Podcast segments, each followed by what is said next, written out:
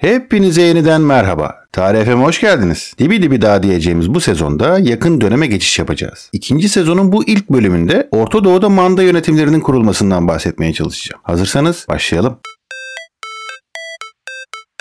Öncelikle Birinci Dünya Savaşı'nın öncesinde ve Birinci Dünya Savaşı boyunca İngilizler Araplara bağımsız devlet vaat etmişlerdi. Ve Araplar da onlara uyarak Birinci Dünya Savaşı'nda Osmanlı Devleti'ne karşı isyan etmişlerdi. Öte yandan Rusya, Fransa, İngiltere arasında gizli anlaşmalar imzalanmıştı ve bu gizli anlaşmalarla Orta Doğu bölgesi paylaşılmıştı. Ama Rusya'nın savaştan çekilmesiyle yani Bolşevik ihtilaliyle Bolşevikler yapılan bu gizli anlaşmaları tüm dünyaya duyurdu duyurdular. Rusya'nın bu gizli belgeleri yayınlaması öncelikle Amerika'nın dikkatini çekmiş ve Amerika ile beraber dünyanın tepkisiyle karşı karşıya kalmıştı Avrupa devletleri. Bunun üzerine İngiltere ve Fransa Orta Doğu hakkında yeni bir bildiri yayınladılar. İngiltere ve Fransa dediler ki Türklerin zulmü altında ezilen halklara İngiltere ve Fransa destek çıkacaktır ve Orta Doğu halklarına serbest seçim ve milli hükümet kurma hakkı verilecektir deniyordu. Tabi Araplar bu ifadenin bağımsızlık anlamına geleceğini düşündüler. Önce Öncelikle Hicaz Kralı Şerif Hüseyin oğlu Faysal'ı Paris Barış Konferansı'na gönderiyor. Faysal da Arapların bağımsızlığını savunuyor bu konferansta ama İngiltere ve Fransa Şerif Hüseyin'in krallığını tanıyor. Buna rağmen Arap halkları üzerinde manda yönetimi, manda rejimi kurulacağını manda yönetimi yani himaye yönetimi. Yani siz daha kendinizi geliştiremediniz. Siz kendinizi geliştirinceye kadar, siz demokratik oluncaya kadar biz sizi koruyacağız. Sömürgeciliğin aslında değişik versiyonu. Sonrasında İngiltere Ve Fransa San Remo konferansına Amerika'nın katılmamasını fırsat bilerek Orta Doğu'da manda rejimlerini kendi aralarında paylaşıyorlar. Tarih 1920. Irak, Ürdün ve Filistin İngilizler tarafından himaye edilecek. Suriye ve Lübnan ise Fransızlar tarafından himaye edilecek. Yani Fransız mandası olacak. İşte İngiliz ve Fransızların Arapları aldatmaları iki savaş arası dönemde Orta Doğu'da karışıklıklara sebep olacak ve emperyalizmin bu davranışın etkileri günümüze kadar devam edecek. Daha sonraki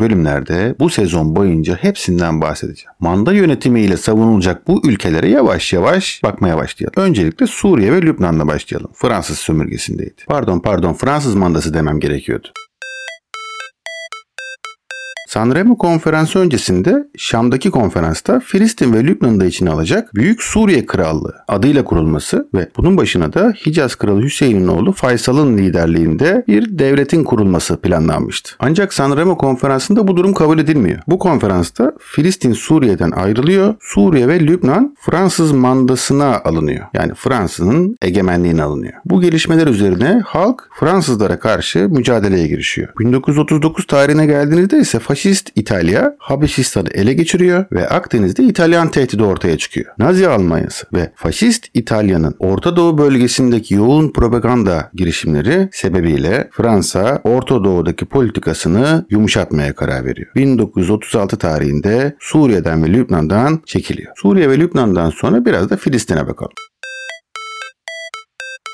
Öncelikle diyebiliriz ki Yahudilerin Filistin'de devlet kurma fikri yani Siyonizm 1880'lerde Rusya'da başlayan Yahudi aleyhtarlığı karşısında Yahudilerin Filistin'e göç etmeye başlamalarıyla başlıyor. Gazeteci olan Theodor Herzl var. 1896 tarihinde bir kitap yayınlıyor Yahudi Devleti. Bu kitap ile bu düşünce hızlanıyor. Yahudilerin Filistin bölgesine göç etmesi düşüncesi hızlanıyor. Theodor Herzl 1897 tarihinde Dünya Siyonist Teşkilatı'nı kuruyor ve dünyadaki zengin zengin Yahudileri destek olmaya çağırıyor. Sonrasında İngiltere Dışişleri Bakanı Balfour, Siyonist Federasyonu Başkanı Lord Rothschild'e bir mektup gönderiyor ve İngiltere'nin Filistin'de kurulacak olan Yahudi devletini resmen desteklemesi sağlanıyor. Buna Balfour Deklarasyonu diyoruz. Tarih 2 Kasım 1917. Bu Balfour Deklarasyonu Fransa, İtalya ve ABD tarafından da destekleniyor. Bu arada Emir Faysal Paris Barış Konferansı'nda Halep'ten Mekke'ye kadar uzanacak olan Büyük Arap İmparatorluğu içerisinde Yahudilere muhtariyet verebileceğini ifade etse de bu düşünce kabul edilmiyor. Sonuçta Sanremo konferansında İngiltere Filistin'in mandasını alıyor, Yahudilerin Filistin'e göçünü desteklediğini duyuruyor. Bu durum Araplar ile Yahudiler arasında çatışmalara sebep olacak. 1921 ile 29 arasında, 1933 tarihinde, 1937 tarihinde, 1939 tarihinde Araplarla Yahudiler arasında savaşlar çıkacak. Bu dönemden itibaren Almanya ve İtalya Arapları Yahudiler Yahubilere karşı kışkırtıyor ve Araplara para ve mühimmat yardımında bulunuyor. Ama her türlü uyarıya rağmen Filistin'e olan Yahudi göçü savaşları daha da şiddetlendiriyor. İngiltere 1939 tarihinde 10 yıl içinde Filistin'e bağımsızlık vereceğini ve Filistin'e Yahudi göçünü 5 yıl süreyle 75 bin ile sınırlandıracağını duyuruyor. Tabi bu anlattığım meselelerin artmasında yani Filistin meselesinin şiddetlenmesinde İran 1930 tarihinde Suriye'nin de 1936 tarihinde bağımsız olmasının büyük önemi var. Büyük payı var. Daha sonraki bölümlerde ayrıntılara gireceğim için şimdi ayrıntıya girmeye gerek yok. Yani Filistin 2. Dünya Savaşı'nda bu şartlar altında girmiş oluyor. Şimdi de İngiltere'nin denetimi altına verilen, İngiltere'nin mandası altına verilen Irak'a biraz bakalım.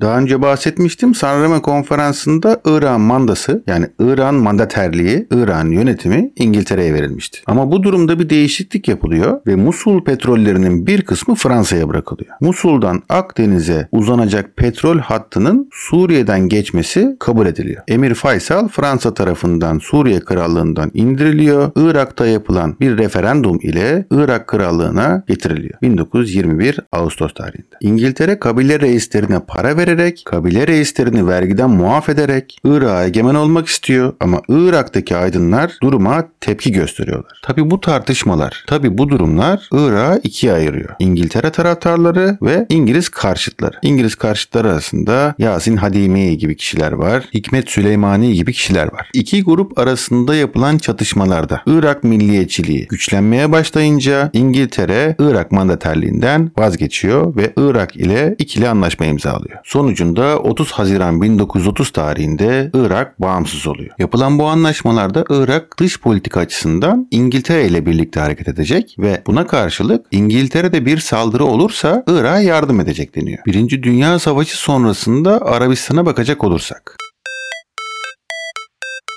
Biliyorsunuz Vahabiler Suud ailesinin idaresinde 19. yüzyıl civarında, 19. yüzyıl başlarında Osmanlı'ya karşı isyan ediyorlardı. Ama Mısır valisi Mehmet Ali Paşa 8 yıl mücadeleyle Vahabileri kontrol altına almıştı. Ama ve lakin imparatorluğun zayıflamasıyla Necdet Sultanı Abdülaziz bin Suud topraklarını genişletmeye başladı. İngiltere Abdülaziz'in Basra'da kendisini rahatsız etmemesi için Abdülaziz'in tarafsız kalması durumunda devlet devlet sınırlarını tanıyabileceğini duyurdu. Yani sen bir devlet kurursan ama tarafsız olursan ben senin devletini tanırım dedi. Ama ve lakin Mekke Şerifi Hüseyin 1916 tarihinde kendisini Arap memleketlerinin kralı olarak kabul ediyor ve Abdülaziz ile rekabet iyice alevleniyor. Birinci Dünya Savaşı'ndan sonra Hüseyin'in Hicaz kralı, oğlunun da Irak ve Ürdün kralı olması Haşimi ailesinin nüfuzunu yani gücünü artırıyor. Haşimi ailesinin nüfuzunun bu şekilde artması Abdülaziz'in rahatsız olmasına sebep oluyor. 3 Mart 1924 tarihinde ise bir gelişme olacak ve Türkiye Cumhuriyeti Devleti hilafeti ilga edecek. Bunun üzerine Hicaz Kralı Hüseyin kendini halife ilan ediyor. Tarih 5 Mart 1924 tarihi. Madem halifeli kaldırıldı bundan sonra halife benim diyor. İşte bu olay üzerine Abdülaziz Hicaz'a saldırıyor ve Suud kuvvetleri Mekke'ye giriyor. Kral Hüseyin tahtı oğlu Ali'ye bırakıyor. Kıbrıs'a kaçıyor. Ali de Abdülaziz'e direnemiyor ve Cidde'nin Suudların eline geçmesiyle Hicaz Abdülaziz'in denetimine giriyor. Sonucunda Abdülaziz İbn Suud kendini Hicaz ve Necet kralı olarak ilan ediyor 1926 tarihinde. 1932'de de krallığın ismi Suudi Arabistan Krallığı olarak değiştiriliyor. Sonraki dönemde Arabistan'da Amerikan petrol şirketi Aramco'yu göreceğiz ve ABD'nin Orta Doğu'ya yavaş yavaş girmesini anlatmaya çalışacağım daha sonraki dönemde.